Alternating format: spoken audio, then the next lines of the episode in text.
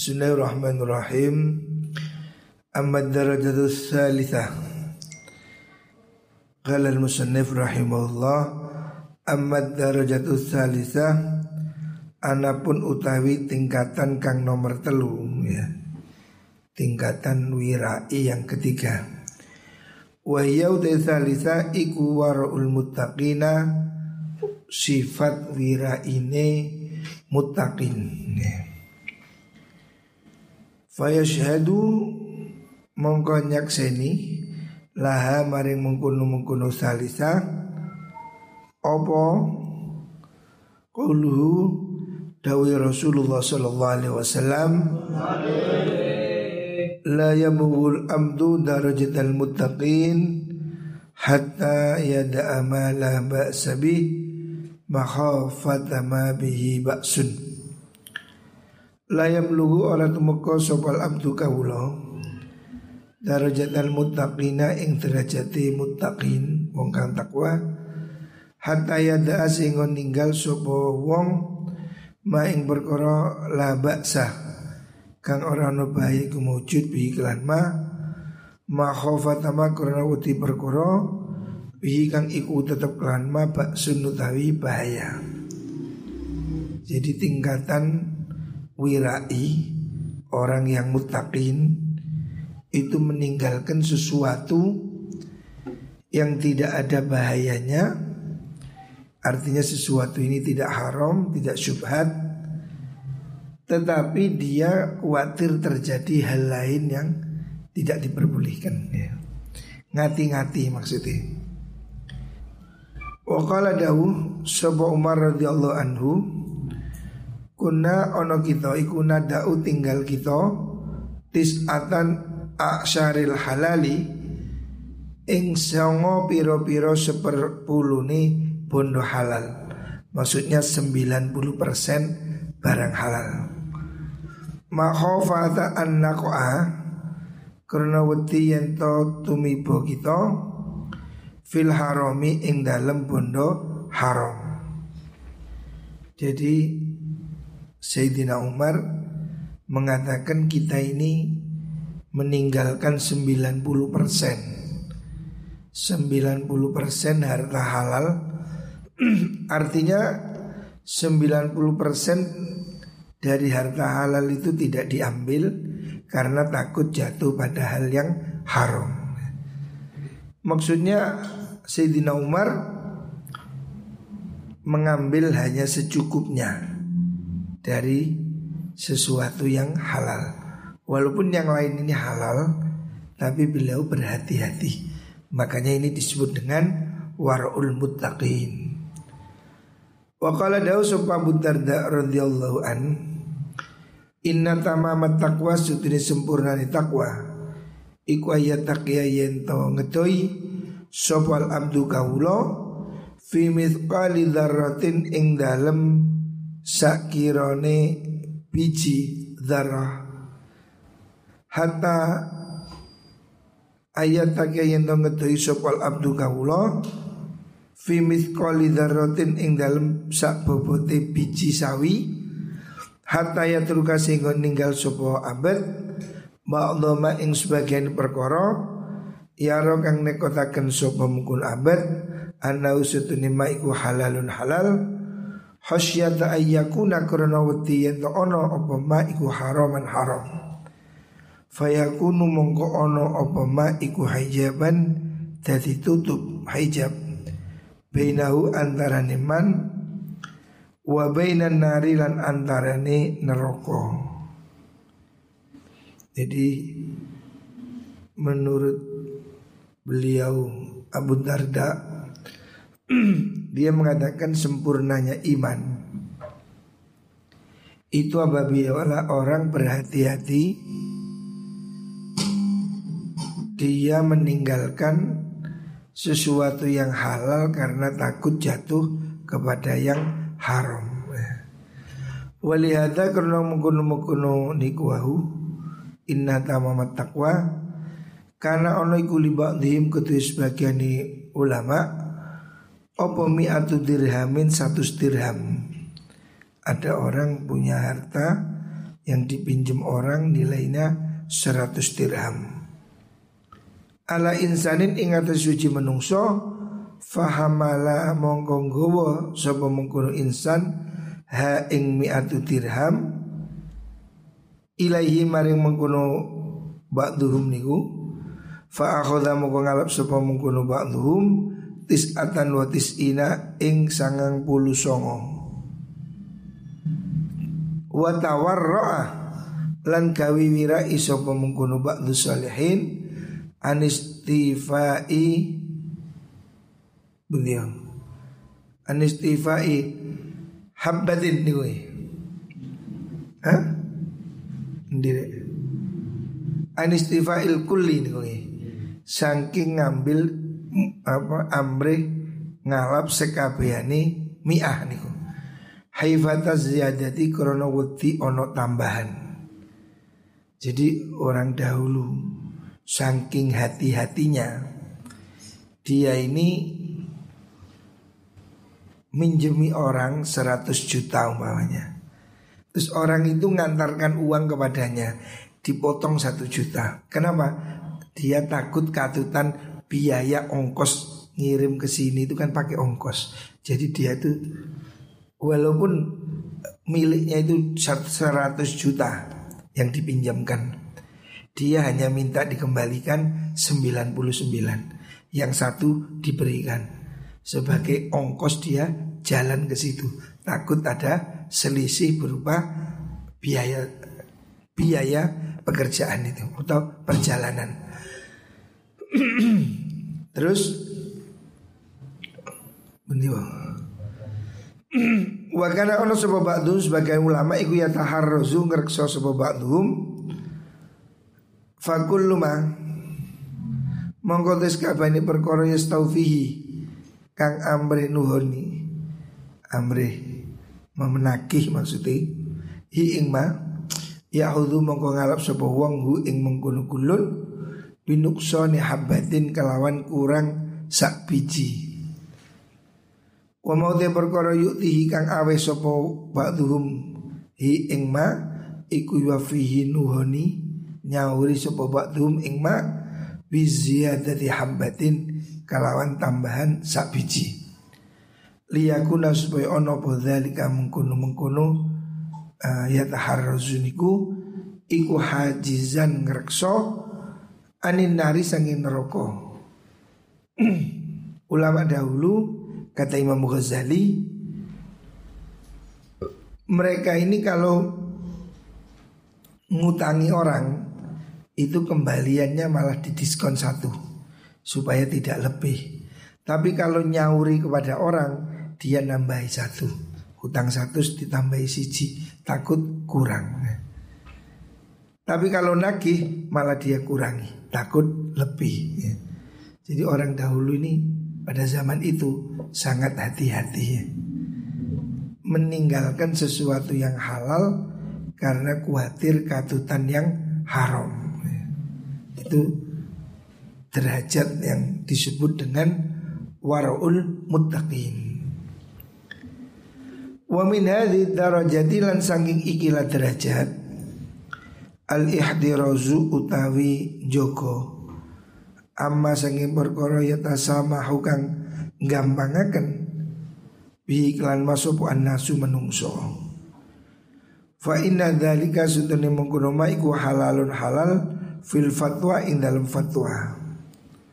Walakin yukhafu Tetapi tenuteni Apa min fathi babihi Saking buka lawangi mengkono-mengkono halal Ayan jaro yang tonarik Apa mengkono fathu Ila ghairi maring liane mengkono halal. Wa ta'allafa Lan biasa akan Apa nafsu Nafsu Ati Al istirsala ing ucul maksudnya bebas gampang. Wadat rukalan tinggal apa nafsu al waraa ing sifat wirai jadi ulama dahulu itu berusaha untuk mencegah tidak berlebihan terhadap sesuatu yang halal Walaupun itu hukumnya halal Ya seperti tidak ke warung umpamanya Ulama-ulama dahulu ini ada yang tidak suka pergi ke warung ya. Walaupun itu tidak haram Tetapi apa? Takut sembrono. Takut kebiasaan menjadi sembrono Menjadi tidak wirai. Ya contoh ayah saya. Ayah saya almarhum Itu pernah jadi pegawai negeri. Karena ayah saya ini mengajar di Jombang waktu itu Darul Ulum. Sekolahannya ini dinegerikan tahun 70-an. Maka kemudian ayah saya ini masuk secara otomatis jadi guru negeri. Tetapi ayah saya merasa ya mungkin karena dia ngajinya kitab Ihya. Beliau berhenti mengajukan berhenti tidak mau jadi pegawai negeri. Padahal dia sudah jadi pegawai negeri, sudah tiga tahun mungkin. Ayah saya merasa takut kurang berkah. Kalau bilang sama saya, ya duit pegawai negeri ini campur. Walaupun tidak haram, tapi campur katanya saya. Kuatir katutan kalau istilahnya ayah, istilahnya ayah saya, kuatir katutan paceki kiri, paceki begengge. Oh, jadi ayah saya itu, nah ini contoh, hati-hati.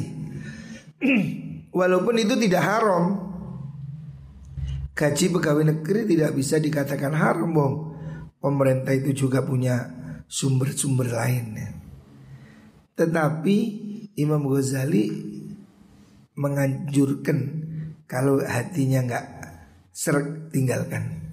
Lah ini yang dialami oleh ayah saya. Ayah saya ini jadi pegawai negeri sebentar.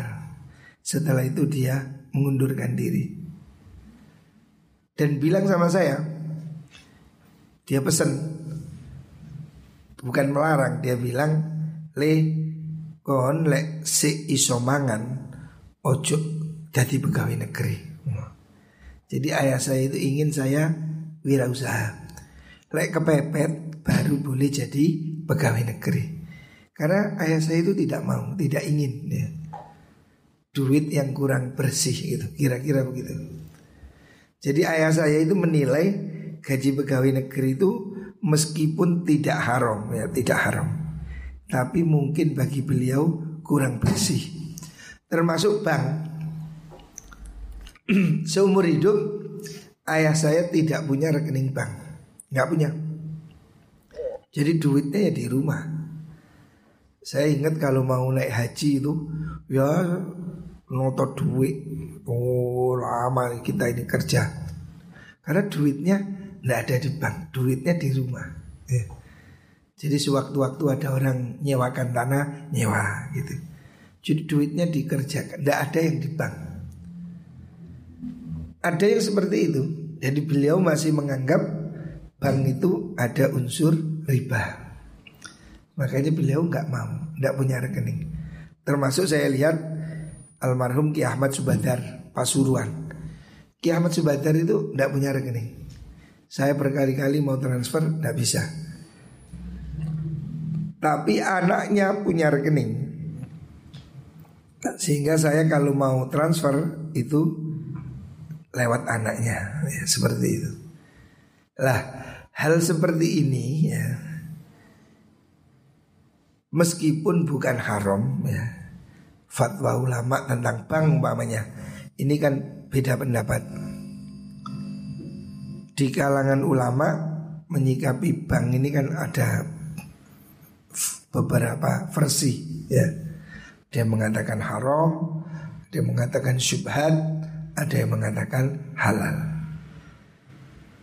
Orang-orang dahulu kiai-kiai itu wirai, tidak mau buka rekening bank. Nah tapi kita, saya hari ini ndak punya rekening, ya repot. Ya apa? Masuk teoyong-oyong duit dan dindi ya susah kan.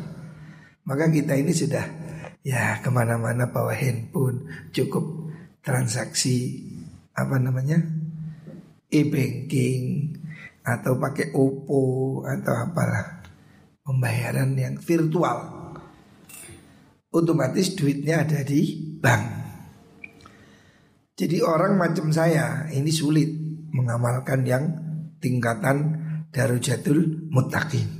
Sebab itu hati-hati. Kita mungkin ya bisanya di level yang pertama yaitu waraul udul. Yang penting tidak jelas haram itu. Sebab kalau sudah naik tingkat ketiga ini Ini yang ditinggalkan bukan hanya subhat Bahkan sesuatu yang halal Yang dia ragu itu ditinggal Ya, ya termasuk seperti Bagi Anwar Tidak pernah ke warung Apakah haram? Ya enggak Tapi beliau takut mungkin jadi biasa Kurang bagus ya Nah itu contoh jadi ada orang yang meninggalkan sesuatu karena untuk mengendalikan diri supaya tidak kebabasan gitu. Walaupun itu pada aslinya boleh. Tapi kan ditahan ya. Ceritanya Kiai Abdul Karim Lirboyo ya. Mbak Abdul Karim itu kepingin makan tempe Itu ditunda sampai 2 tahun Sampai tidak kepingin Karena tujuannya mematikan nafsu jadi kesenangan itu dilawan. Kepingin makan tempe aja ditunda. Jadi tidak semua kesenangannya dituruti. Kepingin ini, kepingin itu, nafsu tidak dilakukan.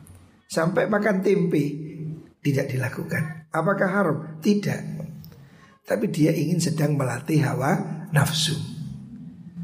Sama dengan di pondok kita ini ya, ayah saya mengajarkan di apa namanya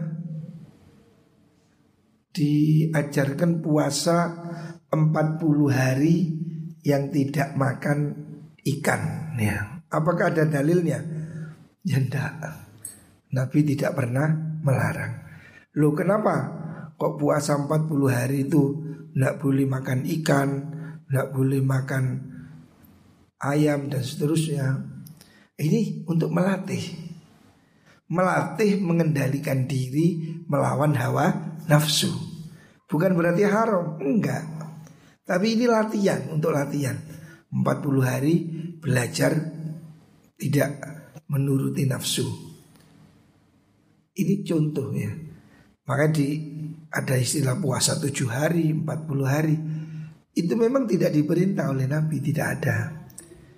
Tetapi itu termasuk dalam rangka melatih hawa nafsu supaya hawa nafsu ini bisa tunduk ya. Direm walaupun halal direm supaya tidak lepas. Ya.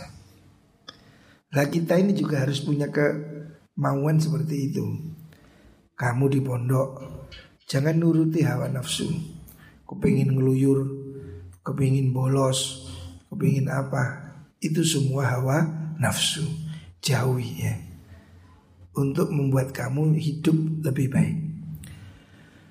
Famin dalika iku setengah saking mengkono wirai niku mau te perkara ruwiya kang den riwayataken apa ma. An Ali bin Ma'bad saking Ali bin Ma'bad. Annahu sudin Ali bin Ma'bad iku kala dawu Ali kuntu ana ingsun iku sakit nan manggon fi baitin ing dalam omah pikirain kelawan akad sewa.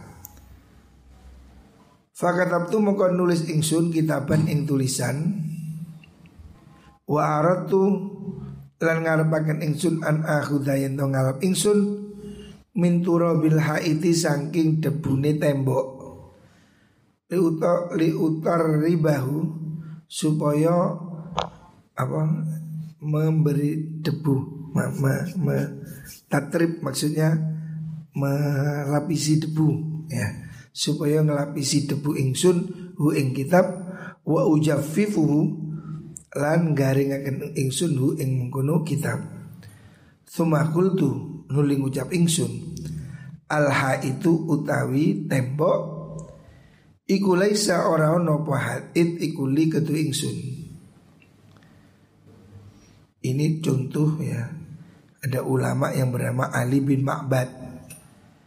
Dia tinggal di rumah kontrakan. Suatu saat dia ingin menulis surat Terus dia ingin mengambil debu yang nempel di tembok.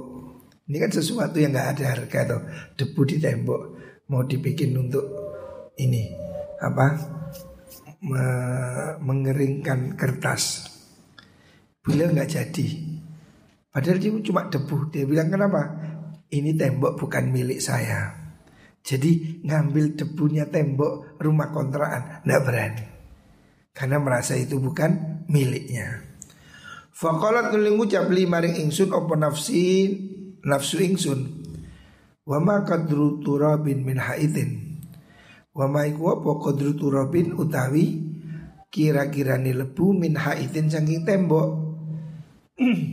Tapi nafsu saya kata beliau mengatakan Allah Wong cuma debu Berapa sih nilainya Kan tidak ada arti gitu Fa tu mongko ngalap ingsun minat turabi sanging debu hajati ing hajat ingsun. Falam manum tu mongko semangsani turu ingsun. Fa idzan nalikane numtu ana uta ingsun iku bisahsin tetemu kalan wong suci wakifin kang ngadeg ya kulo ngucap sapa sahes ya Ali? E Ali bin Ma'bad. Saya lamu. Saya lamu. Bakal den wurwi ghadan ing dalam sisu sapa alladzi wong? Yaqulu kang ngucap sapa alladzi wa ma qadu turabin min haidin wa ma iku apa qadu turabin nilaine debu min haidin saking tembok. Alla ma'ani wala alla makna dzalik wala alla kalan menawa-menawa maknane mengkono kaul annahu satune mengkono Qail iku yara ningali sapa qail kaifa kaya apa yuhatu dan kurangi min manzilati sanging panggonane mengkono-mengkono turab. Fa inna li taqwa iku kuti taqwa darajatun derajat. Tafutu tafutu kang pot apa mengkono-mengkono darajah bifawati waro ilmu takina kelawan pote untuk ilangi sifat wira ini muttaqin. Walaisalan orang nopal muradu kang den karepaken bihi kalan mengkuno warok niku ayas tahika yen to ngahaki sapa wong ukubatan ing siksa ala fi'lihi ing atase nglakoni mengkuno fi'lun. Ya. Maksudnya begini. Jadi Imam Ghazali mengatakan bahwasanya orang yang bertakwa mutakin itu menetapkan standar yang lebih tinggi ya dibanding orang yang lain. Makanya dia tidak berani melakukan hal sekecil apa pun yang walaupun itu mungkin boleh tapi karena hati-hati dia tidak melakukan. Contoh di sini orang yang bernama Ali bin Ma'bad itu berniat mengambil debu di tembok. Ini sesuatu yang nggak berharga. Debu di tembok. Apa? Tidak ada nilainya. Itu pun tidak dilakukan. Sebab apa? Ini tembok ini kan dia kontrak. Dia ngontrak rumah nyewa. Dia merasa tidak berhak pada benda yang ada di rumah itu. Sampai debunya pun. Ya. Sekecil itu. Seremeh itu maksudnya. Hati-hati tidak ingin kecampuran barang yang tidak halal. Bahkan ada riwayat umpamanya Imam Abu Hanifah itu tidak mau berteduh di emperan rumah orang yang punya hutang pada dia. Karena takut ini riba mengambil keuntungan berupa ngiyup. ngiyup aja kan sesuatu yang nggak ada harganya ya. Orang-orang sufi ya yang pada tingkatan mutakin itu menjauhi sesuatu yang meskipun tidak haram, tidak disiksa karena menjaga supaya tidak kebabasan. Jadi dia menutup menutup pintu supaya tidak bablas. ya sama di pondok ini kita bikin aturan tidak boleh bawa handphone. Apakah haram? Enggak. Cuma efeknya orang ini kalau sudah bawa handphone kemudian janjian, chatting, kemudian apa lagi? Ya maksiat-maksiat itu, film-film porno, game, membuat nggak ngaji, membuat nggak jamaah, itu loh. Ya. Kenapa kok di pondok nggak boleh lihat TV, di pondok nggak boleh bawa HP? Itu maksudnya untuk mencegah sesuatu yang halal supaya tidak tembus sampai perkara yang haram. Aslinya HP tidak haram, tapi nanti kalau disalahgunakan main game sampai nggak sholat subuh kan jadi dosa. Disalahgunakan chatting ngobrol bengi gak turu isuk male gak jamaah. Lah itu kan membuat dia salah, nggak ngaji, nggak sholat dan seterusnya, atau bolos karena janjian bolos, nggak ngaji, pulang nggak pamit, ya itu kan efek dari HP. Nah, ini contoh ya. Sesuatu yang halal itu dicegah supaya tidak merembet pada yang haram. Makanya harusnya begitu di pondok tidak boleh bawa HP. Karena negatifnya yaitu tadi kamu main game nggak sholat, kamu chattingan gendaan. Maksiat kan? Kamu melihat konten yang porno. Dosa kan? Nah, nah inilah. Kenapa ulama dulu itu di pondok tidak boleh bawa lihat TV, tidak boleh bawa HP. Memang tidak haram, tidak haram. Tapi pencegahan. Nah, ini pencegahan. Nah, orang ini walaupun sehat ya, sehat is makan sate enak, tapi kan harus dibatasi. Sebab apa? Kalau berlebihan bisa mencret, bisa apa? Bisa menimbulkan sakit. Maka sesuatu yang halal pun itu tidak boleh dilepas ya. Harus ada kontrol supaya kita ini tidak lupa diri ya. Makanya salah satu cara ya, mengapa di Pondok An-Nur ini laki perempuan dipisah. Sekolah putra putri sejak dulu dipisah. Karena apa? Ya untuk menjaga ini. Jangan sampai terjadi kasus. Ini kan pencegahan-pencegahan. Nah, mengapa anak-anak tidak boleh ke kampung? Ya takutnya ada masalah. Sesuatu itu harus dicegah, dihindari sebelum terjadi. Contoh tentang zina. Allah itu melarangnya bukan jangan berzina, jangan mendekati zina. Pintunya yang harus ditutup. Sebab nanti kebabasan. Ya. Orang ini harus diantisipasi. Makanya sesuatu yang halal oleh sebagian ulama itu sengaja tidak dilakukan. Sengaja dikurangi. Ya sama di pondok ada tirakat, ada wirid, Kenapa ini kok harus tirakat? Ya, itu kan latihan. Walaupun makan itu ya halal, memang bukan bulan Ramadan, tapi kita melatih tidak makan, melatih ini supaya apa? Membiasakan nafsu terkendali.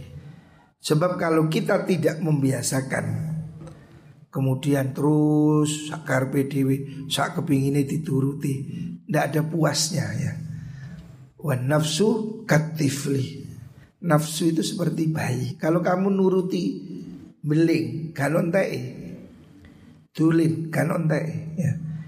Kamu tidak akan bosan ya. Maksiat itu tidak membosankan Kalau kamu turut Kamu mau jadi Wah, tidak ada, tidak ada batasnya ya.